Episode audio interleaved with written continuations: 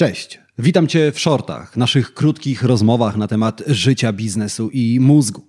To jest odcinek 13, w którym porozmawiamy sobie o wysokiej jakości i o tym, że wysoka jakość zabija Twój biznes.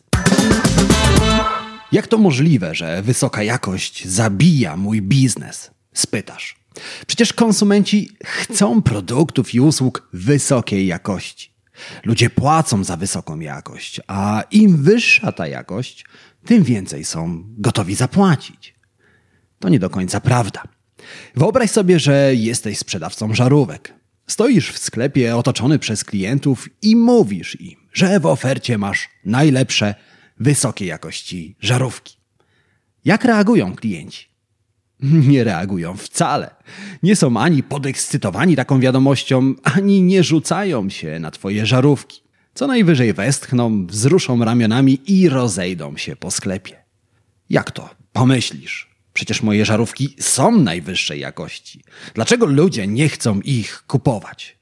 A zastanów się, czy kiedykolwiek słyszałeś, by ludzie pytali w sklepie o żarówki najwyższej jakości, buty najwyższej jakości albo chociaż o mleko najwyższej jakości? Ja nie słyszałem. Dlaczego? Ponieważ ludzie nie chcą produktów najwyższej jakości. Chcą żarówek, które nie przepalą się po dwóch miesiącach. Chcą butów, które nie rozkleją się po kilku miesiącach i prawdziwego mleka od wiejskiej krowy.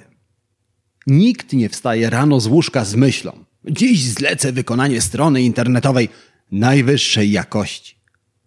Bo czym jest wysoka jakość? Jak ją zmierzyć? Jak ją porównać?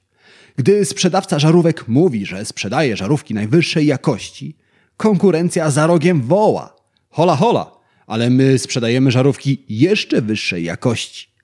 Taka licytacja na jakość między konkurentami może trwać w nieskończoność, a przynajmniej do momentu, w którym jeden ze sprzedawców zrozumie, jakimi miernikami ludzie mierzą jakość. A sprzedawca, który zacznie opowiadać właśnie o miernikach jakości, zwycięży i zdobędzie klienta.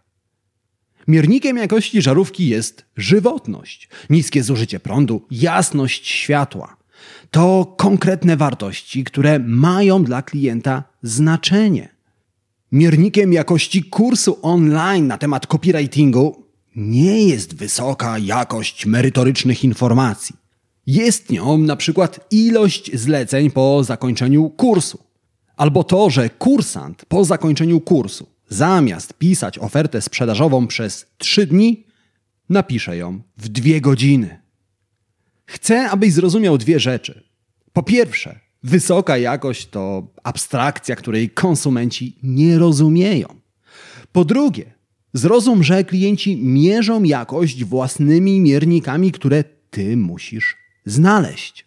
A gdy je znajdziesz, opowiedz o nich klientowi. W ten sposób przekonasz go do zakupu lepiej niż konkurencja. Powodzenia!